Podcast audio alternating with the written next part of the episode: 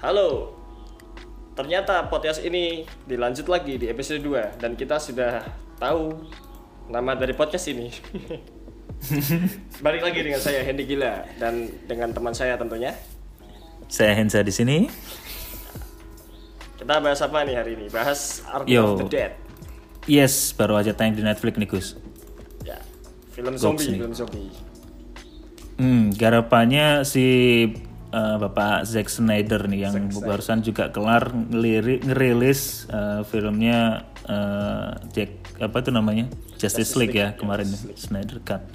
Dan secara, Oke. secara ajaib ini ya dia ke Netflix ya. Mungkin sama Warner Bros sudah nggak akur lagi kan. Iya itu rumornya juga gitu ya kemarin tuh. Film. Banyak Ya, ya gimana? Banyak kontroversi kan kemarin tuh banyak sebenarnya banyak adegan yang uh, mau dimasukin di uh, apa Justice League terus akhirnya pihak Warner Bros yang nggak mau akhirnya kayaknya Zack Snyder ngambek terus cabut ke Netflix gitu gitu Ya. Dilihat dari track recordnya kan dia udah pernah bikin film zombie ya, Dawn of the Dead, dan of the Dead yang remake. right Hmm. Terus ini eh, harusnya bukan sequelnya ya, ini hal yang lain gitu ya. Ya film zombie yang lain maksudnya ya film. Ya, meskipun judulnya sama-sama di belakangnya ada The Dead-nya. Seperti film Mm-hmm. zombie klasiknya Romero kan ada The Dead The Dead-nya ya. Hmm. Eh, Dawn of the Dead, Day of the Dead, terus gitu-gitu.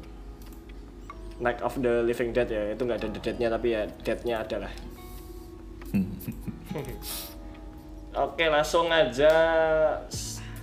Eh, gimana? Kamu suka apa nggak tuh sama filmnya? Oke, kalau dari cerita ini eh, cukup fresh. Jadi kalau aku lihat dari beberapa film zombie yang pernah aku lihat nih Gus ya, eh, zombinya kan letoy, kayak let's say apa tuh namanya yang seriesnya udah banyak itu apa kemarin Eh, Walking Dead, Walking Eh, Dead. Walking Dead kayak gitu kan dia zombinya letoy. Kalau ini kan zombinya gesit tuh.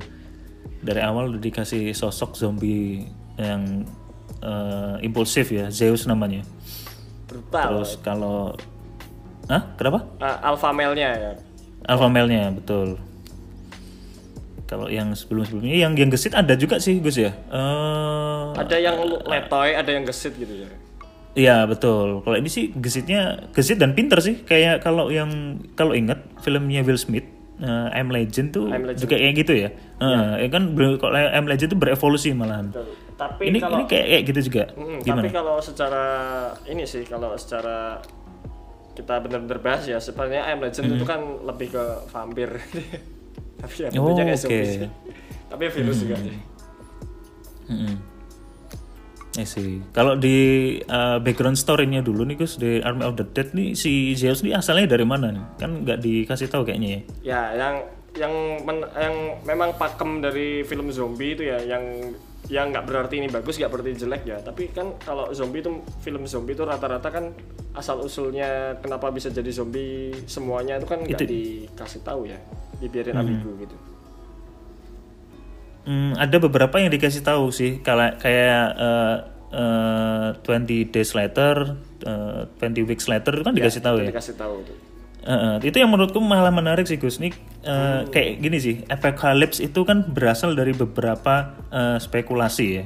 Ada yang uh, dari bencana alam, ada yang dari penyakit. Nah, penyakitnya evolusinya ada banyak nih, ada kayak zombie ini juga gitu. Jadi awalnya yang uh, apa itu namanya uh, berpikiran bahwa uh, apocalypse itu bisa aja dari uh, bencana alam, ini bisa jadi di disebabkan oleh manusia itu sendiri. Nah, itu yang bikin menarik sih, Gus. nah ya tapi kan kalau di sini di opening filmnya kan uh, dikasih clue yang jelas ya kalau ini memang propertinya pemerintah kan Ya, ini eksperimen berarti ya? ya jadi ada satu makhluk nih yang mungkin apa passion zero-nya ya Ya. yang alpha male-nya itu yang apa yang eh, ya awal mula penyebar virusnya lah Hmm. mungkin bisa jadi emang dirancang pemerintah untuk bikin senjata biologis kali ya gitu Oke.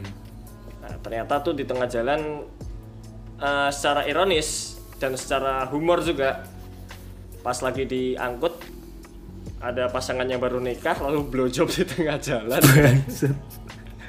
Nabrak nabrak eh, lagi enak-enak gitu kan meremelek itu kan.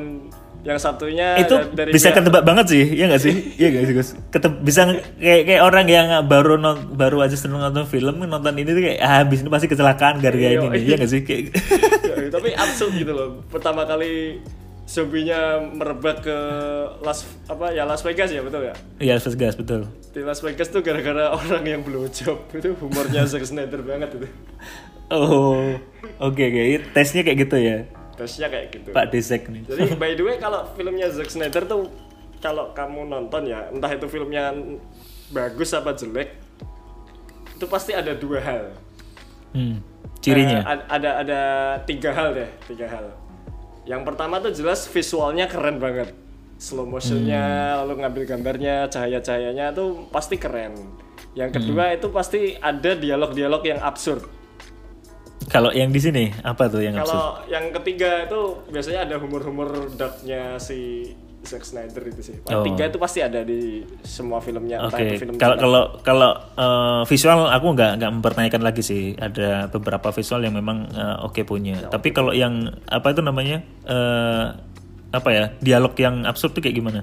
ya dialog-dialog absurd yang kayak uh, misalkan si ini si apa sih karakter utamanya si uh, Scott ya Dave Pak. Pak Scott ya Pak Scott ngomong sama si siapa si anaknya si Kate itu Hmm, itu kan ngalor ngidul cuma bahas bahas makanan ya pengen bikin food truck ujung-ujungnya Oh. bahas tahu. Gitu kan.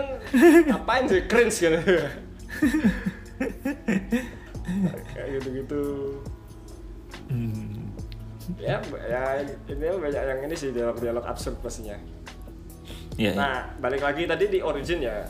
Terus secara garis besarnya gimana? Kamu mungkin uh, suka apa gimana Oke, eh, kita bahas ini plot secara garis besar ya. Kalau kita lihat kan eh, di sini ada sebuah eh, penelitian dari pemerintahan yaitu ada zombie itu tadi yang entah itu mau dibuat apa. Eh, kemudian itu menyebar dari eh, dia makan menggigit beberapa pasukannya di situ. Eh, habis itu kan nyebar nih Ya. ke Las Vegas. Nah di situ ada dramanya di keluarga kan ya si bapak Dave ini eh, terpaksa harus membunuh istrinya sendiri ya kayak gitu ya.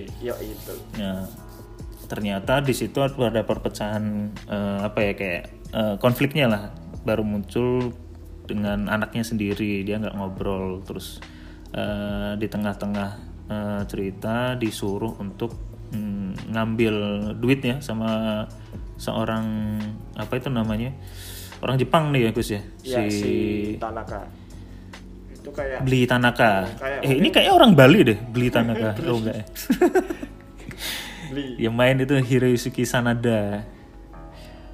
Eh, nah habis itu kan ternyata singkat cerita dia mau dan akhirnya si adik eh anaknya nih diajak masuk. Nah di situ terungkap bahwa eh, ada ya. Konfliknya eh, hmm, hmm, hmm. kalau dari segi cerita aku agak kurang ini sih Gus di situnya ya maksudnya konflik keluarganya sih eh, kurangnya terlalu apa ya eh, ini kalau tebakan soto aku tuh bener terus di sini aku seneng ini kan apa kalau ngeliat film tuh nebak-nebak gitu loh di sini bener semua mau mau gitu loh. mau scene ini mau kejadian apa tuh kamu Iya. bisa- heeh. Tapi aku menikmati ketika ada adegan-adegan zombinya, entah itu ketika dibunuh, entah itu dia lari dan sebagainya itu nikmati banget sih. Tapi kalau dari skin actionnya oke lah ya tapi dari cerita kurang. Dramanya kurang banget. Dan eh, yang menarik di sini ada yang terakhir itu ternyata digigit Gus ya. Si siapa si- tuh yang kulit hitam? Van Van Dore, Van Dore siapa nih namanya? Van der Rohe. Apa gimana Van bacanya Van der Gimana Rohe. bacanya? Yang ya itulah si Van lah. Iya, si Van itu eh, ternyata endingnya kegigit, tapi dia nggak berubah Gus ya?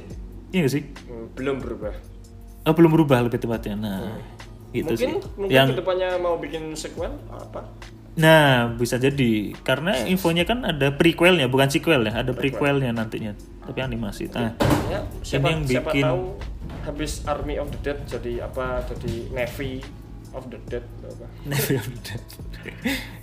Nah itu yang bikin aku seneng juga. Jadi kalau ada film di endingnya itu men- menya- apa ya memberikan sajian di mana oh ini bisa lanjut nih kayaknya nih. Kayak gitu.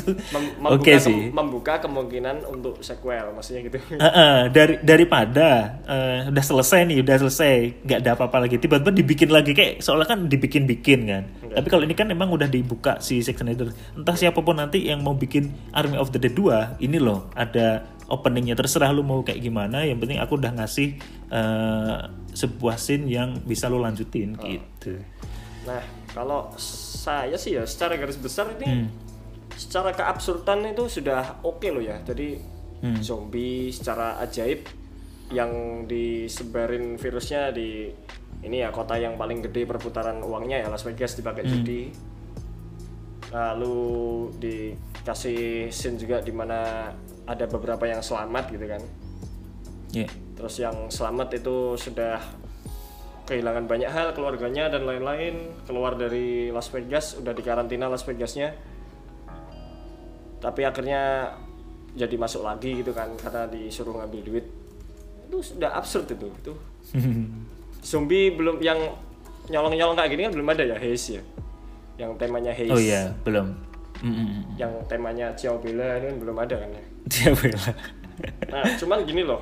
eh eh, baca dari Twitter ya ada ada akun @bloodbag itu nge-tweet gini cukup menarik sih. Di mana tuh kalau karakter ini kara- eh, kalau film zombie sorry kalau film zombie itu sebenarnya yang bikin film zombie itu menarik adalah kalian bisa peduli dengan karakter-karakternya semuanya yang manusia maksudnya. Hmm. Nah, di mana karakter manusia tuh entah itu nanti mati atau nanti itu survive itu kalian bisa peduli. Oh. Entah pedulinya karena kalian benci karakter itu atau mungkin kalian oke suka dengan karakter Iya, iya, developmentnya. Nah, yang ada di sini di film ini yang disayangkan itu dikit loh. Eh, karakternya banyak. Mm-mm. Karakternya cukup banyak ya, cukup banyak yang berperan. Cuman sedikit yang bisa bikin kita simpati. Iya, iya. kayak gitu padahal padahal sebenarnya yang sangat disayangkan juga ya ini kan kalau yang film Army of the Dead ini pas mau ngerampok kasinonya yang di Las Vegas itu kan vibe-nya udah Suicide Squad banget ya ada orang yang pokoknya wah ini kamu bisa mati bisa hidup nih tapi kamu punya set of skill yang beda-beda gitu kan Iya. ada yang jago ini ada jago itu cuman pada akhirnya ya gitu aja flat aja. Contohnya tuh si Van der Rohe itu Van, Van der Rohe itu. Iya. yang pakai gergaji mesin tuh. Dia digimikin pakai gergaji mesin tapi dia sendiri nggak pernah pakai kan? Gak awal-awal kan dipakai itu. Iya, kan- Awal kan sebelum dia masuk kasino. ekspektasi saya itu kan wah ini badass nih. Ini berarti kalau bunuh zombinya pakai gergaji mesin nih kan? Nggak pernah dipakai Ya. pada akhirnya seperti itu. Malah dibuat buka ini ya, dibuka jalan itu. iya betul. Gitu-gitu terus ya adegan adegan apa orang-orang matinya tuh kayak ya bener sih kita dibikin dibikin simpati juga sih. Kayak si apa si siapa tuh yang kacungnya Tanaka itu? Oh, dia kan brengsek tuh ya, karena Hmm, dia si apa tuh. namanya eh apa itu digigit sama harimau.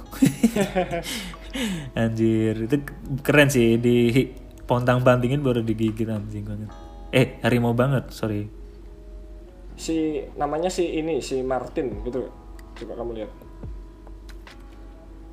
Martin, nggak yang meranin ini ya Gareth Deleon. oh betul ya orangnya Martin ya betul Mm, mm, mm. Oh iya Martin. Jadi si Martin ini kan kita udah dibikin simpati. Oh ini brengsek nih orang nih, ya kan asshole ini.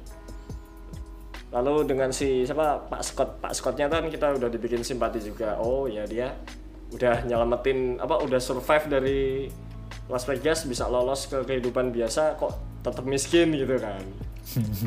Dan itu jadi keanehan juga loh. Kan dapat Medal of Honor kok masih miskin. Terus kita mencoba dibikin simpati dengan anaknya ya kan. Yang ujungnya sih malah berakhir absurd. Aduh. Gini loh, gini loh. Langsung straight to the Hmm. point aja ya. Sebenarnya masalah utamanya film ini tuh ada di anaknya Pak Scott loh, si Kit itu. Ya. Itu karakter yang super super kurang. kurangnya tuh sudah kurang max itu itu mending di mending dihapuskan aja dari film ini yang pertama yang pertama ya dia memang tugasnya kan bikin emosi bapaknya nggak stabil gitu kan. Hmm. Sat- satu-satunya keluarga yang tersisa sama dia yang apa kayak menyesal gitu udah bunuh ibunya di depan mata anaknya gitu kan. Ya. cuman eh, yang pertama dia tuh sok terlalu pengen penting dalam film ini gak sih? Eh, dari pertama mm-mm. yang dia ditinggalin sama anak-anak panti itu kan ibunya butuh duit mau masuk Oh, ke Las Vegas Ya. dia sok-sokan ya kan "So, aku ikut gitu kan Dia kan bikin cekcok itu kan sama si penjaganya itu kan ya kan gara-gara itu kan si udah Burt Cummings. kan sok, sok Rossi itu. Hmm. penting intinya kan pengen sok penting kan Mm-mm. terus yang yang kedua dia bener bantu bantu bokapnya ya Pak Scott ya biar bisa nyeludup. Cuman kan itu si anak-anak pantinya itu kan ditinggal ibunya masuk ke dalam. Ya secara Harusnya jaga lah. iya secara, secara ketololannya ya, ya film tololnya film ini tuh ya. Dia itu masuk pengen nyelamatin orang ya kan. Terus dia gambling kan pas udah duit udah diterima udah mau lari sama helikopter dia gambling nyelamatin orang gitu kan pada ujungnya mati juga malah dia bunuh lebih, lebih banyak orang untuk menyelamatin orang gitu Dia- Iya, nggak worth dia- it dia, ya. dia nyelamatin satu orang yang super gak Dua- penting dua ya. orang ya. NPC gampang dilupakan lah itu NPC. NPC gak ada nggak ada pokoknya gak ada kesan-kesannya dari pertama film sampai selesai tuh gak ada kesan kesan-kesannya Hmm. banget ini orang penting apa enggak ya. Kayak NPC gitu. Lalu si Kit ini dengan tololnya tuh maksa banget pengen nyelamatin ya karena dia nanti pesen nanti anak-anak saya kalau saya mati tolong urus. Cuma model gitu itu aja ya. Dan gak jelas dia hubungannya sama Kit itu kenapa bisa sedekat itu. Dia tolong ya malah bokapnya mati Iya. Tuh, Iya, anak-anaknya scene-nya terlalu cepat ya berarti ya. ya Mm-mm. s- sangat tolol maksudnya eh, sudah di tingkat marah tuh kenapa sih ada karakter ini ada sih goblok gitu terus muka mukanya yang meranin juga pelongo pelongo ya kan Iya, kalau dari segi eh, cerita yang lumayan cukup panjang Gus ya 2 jam 24 menit. Itu si Zack Snyder nggak nggak mem- memberikan kejelasan eh, backstory-nya ini kenapa dia nolongin dan sebagainya ya. Eh, apa ya di setiap karakternya harusnya dikuatin eh, ini kenapa begini ini kenapa begitu Eh, biar kita tuh ada sense of eh, emosionalnya kan. Iya. Kayak yang lu bilang tadi ada ketika orang itu simpatik dengan salah satu karakter kan membuat eh, filmnya itu lebih hidup lah ya betul lebih enak ditonton ini dua jam setengah main hampir dua jam setengah tuh kayak anjir Ya, yang, Itu yang doang. bikin yang bikin yang bikin nyesel itu ya apa interaksinya nanggung kan udah ada development Hmm. karakternya yang bagus tuh kayak yang eh, siapa yang ini yang suka yang bisa bobol itu Dieter ya oh Dieter, Dieter ya. ya yang orang Jerman Iya. gitu ya. itu kan cupu kan ya nggak bisa combat apa apa kan tapi sama yang Van der Hoor itu Van der Hoor Iya. itu kan mulanya kan kayak siapa sih anak kecil ini kan bikin rusuh aja ngerepotin aja? Tapi kan lama-lama kan ya kedekatannya mulai dilindungi, muncul. ya. kamu berdirinya di belakang saya aja gitu gitu Sam- bahkan sampai akhir si Van der Rohe ini diselamatin kan? Mm-mm. sama si ini sama Iya, si Dieter uh-uh. itu kan karakter developmentnya bagus. Nah itu Iya. yang bikin marah. Itu sebenarnya film ini kalau di treatment bagus bisa jadi bagus banget loh. Siap. Storynya di well written itu bisa jadi film yang bagus banget karena kan ya emang tipikal zombie tipikal film zombie ya. Ini Pak Zack Snyder nih udah mencoba sesuatu yang yang agak nyeleneh biar zombinya ini beda kayak zombinya orang-orang. Kayak satu ada macan tuh tiba-tiba tuh. Mm-mm. lalu al- alpha male-nya tuh gila pakai helm biar nggak bisa di Iya. headshot. Iya dia bisa mikir kayak gitu ya? Iya gila banget itu. Pakai helm biar nggak bisa di headshot. Terus ini mengendarai kuda ya kan bawa tombak. ya anjir kudanya kayak Abaddon di Eh, Oh iya kudanya kuda undead kayak Abaddonnya Dota. Itu kan sesuatu hal yang ini ya yang apa Ya, baru. yang beda. Terus dikasih bumbu ini haze kan kayak perampokan itu kan tidak ada. Jadi zombinya sih bis, film zombinya Pak Zack Snyder kan bisa jadi spotlight oh ini loh zombie yang gini gini gini gini ada bedanya sama film zombie yang lain cuman ya itu lagi Eh, ini sih ini sama kayak Batman v Superman sih ini nasibnya ceritanya simple dan banyak hal yang harusnya tuh bisa dieksplor menarik tapi kurang aja mungkin penulisannya kurang sabar bagaimana gitu ya eksekusinya aja. Eh, tapi kalau dari sedikit informasi ini udah lama sih Gus. Di, pengen dibikin sama Pak Zack Snyder ini ya Iya naskah awalnya ini udah eh, 10 tahun ini lumayan lama. padahal secara ajaibnya dia bikin remake-nya Dawn of the Dead bagus loh Iya. keren loh dan tolol tapi keren gitu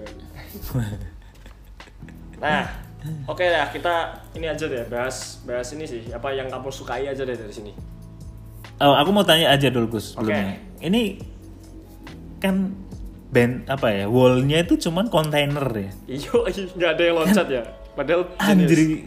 Kan kan harus dia pinter dan dia harusnya kayak nggak tangga lah apa kayak kayak di eh, apa itu World War Z Iya, itu kan da- dari tumpukan-tumpukan zombie itu akhirnya dia bisa loncat ya. tapi saya punya teori di sini Eh, eh, kenapa? dia memang bikin pengen negaranya sendiri kerajaannya sendiri di situ Oh, memang nggak iya. akhirnya nggak nerobos ya? Iya, nggak butuh ini. Dia nggak Hmm. butuh semuanya gitu. Mungkin dia cuma pengen hidup makmur aja di situ. Anjay. Punya, punya oke, ratu oke. ya kan kan punya ratu, punya kacung-kacung. Oh, pantesan ketika masuk ke situ harus tumbal itu ya. Yoi, Maksudnya itu kan harus karena di situ biar jadi Ah, ininya. ah, ah. kan dipilih sama si rajanya itu nanti. Ini jadi alpa apa jadi yang letoy gitu kan. Oh, I see. Terus kenapa yang kedua nih, Gus? Kenapa eh, karantinanya itu ada di deket wall anjing banget? Kenapa nggak jauh-jauh dari situ? Kalau tiba-tiba ada yang bocor ya kan. Nah, ini aja pintunya. Eh, nanti kita bahas lain ya. Ada beberapa fact yang fail di di apa itu namanya eh, film ini. Pintunya yang di apa itu dibuat tuh kayak pintu biasa gitu loh. Kirain ada pintu yang berlapis gitu anjir. Di World War Z, World War Z itu kan padahal tembok segede itu ya. Bisa dipanjat. Tinggi Gus, iya itu kan gara-gara orang Zeus eh, ini kan eh, Nyanyi. nyanyi-nyanyi itu kan. Akhirnya ke trigger. Aduh. Itu absurd fakta yang absurd itu ya. Lalu Wadidaw sih itu. Ya. Lalu itu kan Hmm. itu kan ya udah maksudnya di tembok gitu ya kan Hmm. minimal kalau nggak di nuklir itu kan ya tinggal di apa kayak di flamethrower kayak atau mungkin di itu tapi anehnya manusia Hmm. itu kan kalah sama zombie ya kan makanya dia retreat yang di Manus- awalnya tuh loh yang ada pesawat ngebom bom ada ada apa ada pasukannya terjun payung malah dibunuhin zombie Ya. kan malah kalah kan makanya dibiarin gitu aja sampai sampai akhirnya di nuklir pada saat 4 Juli ya ulang tahun kemerdekaannya ulang tahun. Amerika 4 July. dan nggak nggak jelas juga kan semenjak Pak Scottnya lolos ke dunia luar sampai itu perampokan mau dimulai tuh udah ah kamu lihat ya sih berapa bulan sih Waduh, nggak lihat berapa ya bulan ya? Jelas Abis ini ya? nah selama itu kok masih ada karantina di dekatnya Oh iya. Jadi sebenarnya, sebenarnya itu berbahaya apa buat main-main gitu katanya? apa enggak dibikin wall yang lebih proper lah gitu kan ya? Enggak cuma Iya, kontainernya, makanya. enggak kontainernya evergreen gitu-gitu, sponsornya paling itu ya, evergreen. Jadi tumpuk-tumpukin di situ. Terus apa lagi yang jadi hal yang mengganggu pikiranmu? Itu aja sih mungkin ya. Soalnya yang ketiga sih udah kejawab. Eh sebenarnya ada tiga pertanyaan sih. Yang ketiga tuh eh, kenapa nggak ekspansi itu sih? Oh, kenapa iya. cuma di situ aja? Kan mau dinuklir nih. Kan eh, A-nya itu kenapa dia tuh kan pinter harusnya. Hmm. Ya, makanya kedua tuh kenapa nggak manjat? Ya karena dia memang mau bikin itu ya kingdom aja di situ. Ya kayaknya dibikin Kingdom dia kan ini apa kan dia lihat patungnya Zeus itu kan mungkin terinspirasi Hmm. jadi dewanya Tapi dewanya di, di film nggak disebutin ya kalau dia tuh namanya Zeus. Iya, enggak nggak sih? Enggak ya. Makanya saya nggak tahu Tapi baru- kalau baru tahu Oh, oke. markasnya Namanya Zeus markasnya kan namanya Olympus Olympus kan rumahnya para dewa Olympus. Iya, iya, iya, iya. Olympus was fallen. gedung gedung gedung Olympus ya kan Kalau Olympus kan kalau nggak salah kan ini ya markasnya para dewa-dewa kayak Zeus dan Iya. lain-lain itu. Istananya ya. Tapi Oke. apa yang disenengin nih sekarang kalau gitu? Mungkin yang, berkesan lah, yang berkesan. Yang paling berkesan jelas Zeusnya, si alpha zombinya ini sih. Eh, apa ya? Ini baru banget kalau zombie yang eh, pernah aku lihat dulu kan kebanyakan ya nanggung ya. Walaupun dia cepet, cuman ya kurang. Kalau yang kayak di Walking Dead tuh letoy. Kalau di sini nggak cuma pinter, dia pakai helm juga nih, dipakai otaknya. Kan ada ada satu alpha yang juga pinter tuh, yang di ini apa, yang di I Am Legend tuh, kan pinter tuh. Oh iya ya, ada juga ya itu ya. Itu yang yang orang- yang mengatur semuanya ya. Iya, itu yang ngatur-ngatur yang Kalau di M Legend malah nggak nggak bisa kena matahari itu, dia harus sembunyi. malah dia yang jebak itu kan, jebak Will Smith, Iya iya iya. iya. Will Smith. Hmm. jebak Dr. Neville-nya. Ya tapi itu nggak pakai helm dia. Iya. Mungkin, di sini terus- pakai helm. bisa jadi terinspirasi dari situ. Iya iya. iya.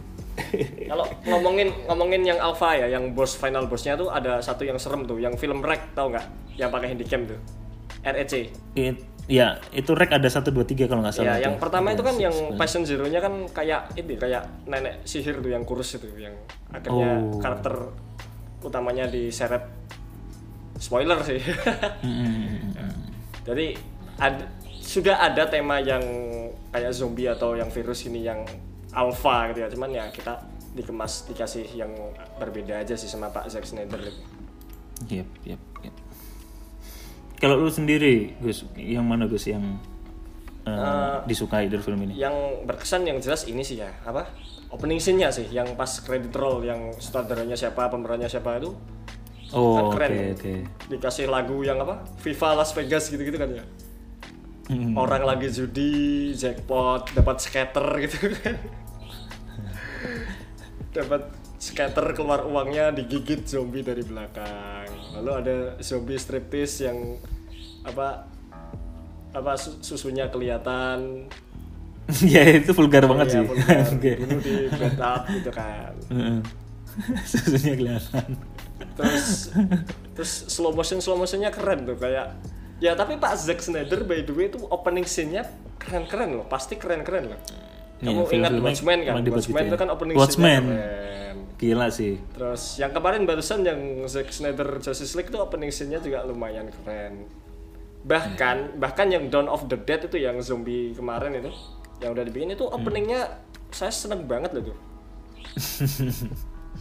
keren banget itu. Eh, Pak Zack Snyder kalau bikin opening pasti keren.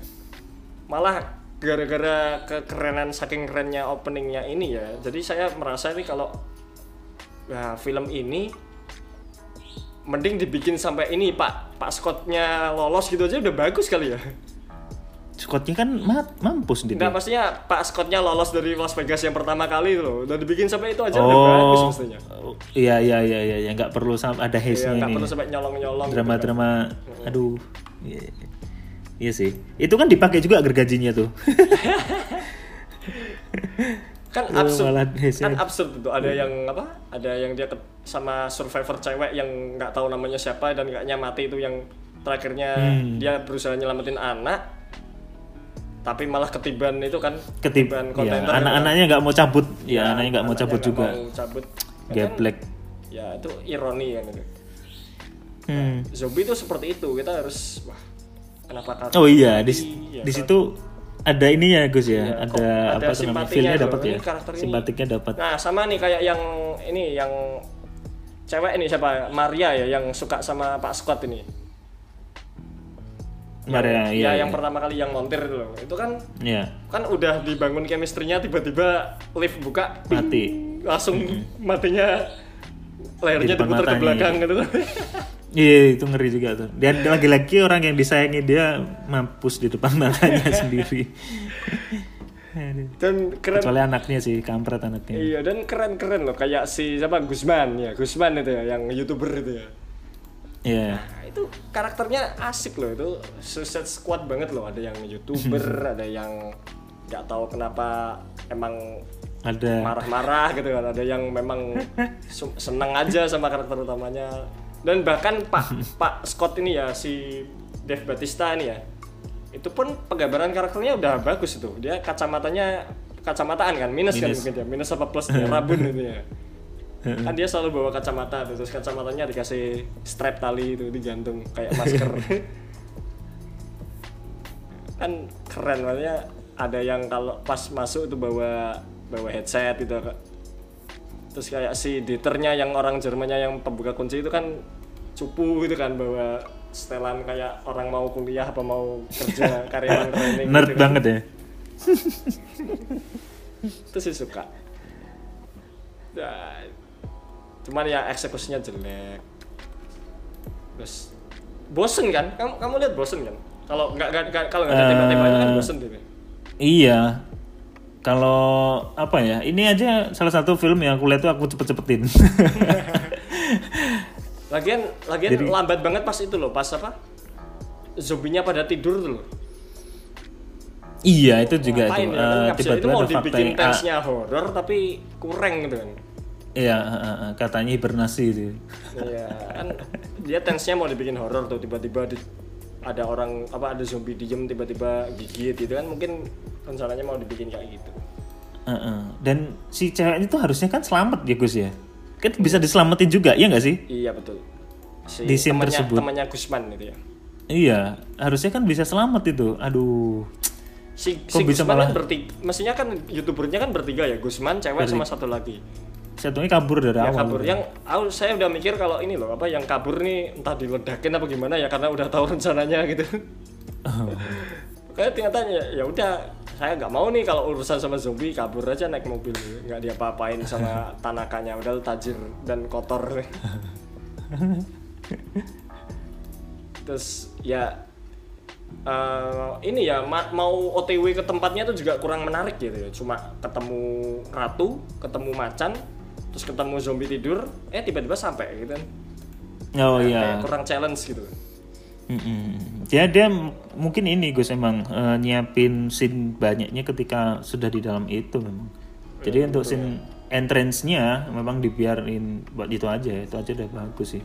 dan klimaksnya tuh berhenti malah di ini malah uh, malah pas si itu loh yang Pak Pak Scott sama Gusman Hmm. jadi si Dieter sama si Van der Hoor itu kan kejebak di berangkas gara-gara tamak Oh, itu kan. iya. nah si Pak Scott sama Pak Pak ini kan Pak Gusman ini yang youtuber Gusman tuh kan lari tuh nah itu kan masuk ke kas apa lari-larian di kasino dikejar itu kan keren tuh slow motion slow motion Iya. di situ Ya itu eh, ini sih fight scene yang klimaks banget itu di situ. ya itu mal- malah final battle-nya apa apa malah kalah sama itu loh itu yang disayangkan kan itu Mm-mm, mm-mm.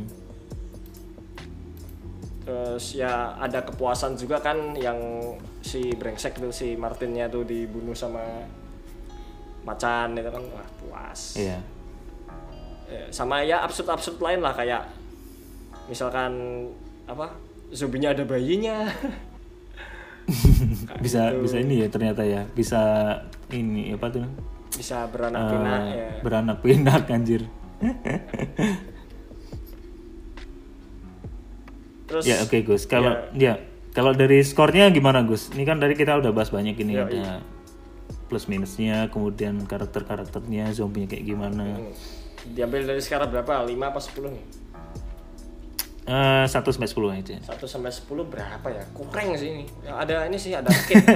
ada kit soalnya. Sebenarnya kalau mungkin nggak ada kit, nggak ada kit mungkin bisa saya kasih nilai 7 kali ya. 7. Ada kit ini kurang nih, lima setengah lima setengah kali ya. Waduh, dikit banget ya lima setengah. Lumayan ya kalau kalau aku sih berapa ya lima aja deh gak usah kasih setengah lima lima stuk soalnya aku udah ini Gus apa ya intensitasnya terus kemudian plot ceritanya tuh kayak aduh kurang banget nih dramanya juga kurang Ngantuk ya. Mm-mm. ya gitu deh Army of the Dead eh, salah satu film yang ditunggu juga ya sebenarnya ini ya Iyo, i, hype. cuman eksekusinya kurang banget aduh Karena momennya Pak Snyder juga pas nih kan habis ngeluarin Justice League terus ada drama juga di Warner Bros itu kan tiba-tiba dia bikin film lain gitu kan. Soalnya dia bisa kalau bisa memanfaatkan hype itu kan asik. Kayaknya banyak pikiran nih Pak Zack Snyder ini. anjir mending mending Pak Snyder tuh apa uh, liburan dulu lah ya nggak usah bikin film berapa lama gitu. Nanti kalau udah fresh lagi baru ini. Ya kita nggak nggak bilang kalau filmnya Zack Snyder jelek-jelek ya kan? Ya Oh enggak. Ya, Ya, dari ya memang banyak yang kan, iya kita nggak tahu kan masalah dapurnya gimana kan. Entah mungkin studionya yang brengsek apa gimana ya kan Oke, oke. tapi kan gini pak kalau kalau saya nih kalau saya nih ya uh, kan ada ini tiga rule ini ya tiga tiga golden rule itu kalau masalah perfilman ya. Ya, apa aja tuh? jadi itu kalau satu filmnya itu temanya itu monster sama robot raksasa terus yang kedua temanya tuh zombie ya, ya terus yang ketiga tuh filmnya tuh temanya ikan hiu itu mau jelek kayak gimana tetap saya tonton pak itu pak Oh, oke oke. fetish ya fetish dalam film Anjir. yang thriller-thriller suka nggak, Gus? terus nggak suka sih Kurangnya. Soalnya ini kan juga thriller banget sih sebenarnya. Cuman nggak kayak ya, film yang kemarin sih. Invisible, Thrill- kalah thriller malahan. ya, ini action sih ini action sih kalau ini vibe-nya kayak Resident Evil di mana Leon sama Chris-nya udah ini udah dapat latihan militer. Jadi kayak ya ketemu zombie kayak ketemu maling gitu aja. Tinggal dibunuh sampai mati itu nggak ada rasa tense-nya. Beda kalau sama kayak mungkin yang kayak kayak dua apa 28 days later ya. 28 28 Days Later itu kan bener-bener horror tuh kan di mana si Iya. karakter utamanya kan nggak punya nggak punya ini nggak punya pengalaman apa-apa masalah zombie itu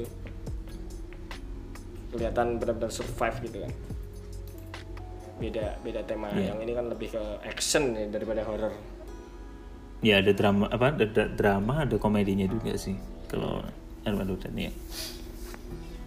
Oke, Nah, ada lagi yang bahas ya ya itu aja sih mungkin ya. itu aja ya Army of the Dead. Thank you udah dengerin semuanya. ya. yes nanti coba lagi di podcast berikutnya di Two Horsemen ya mungkin bahas yang lain Yo. lagi Oke. Bye bye.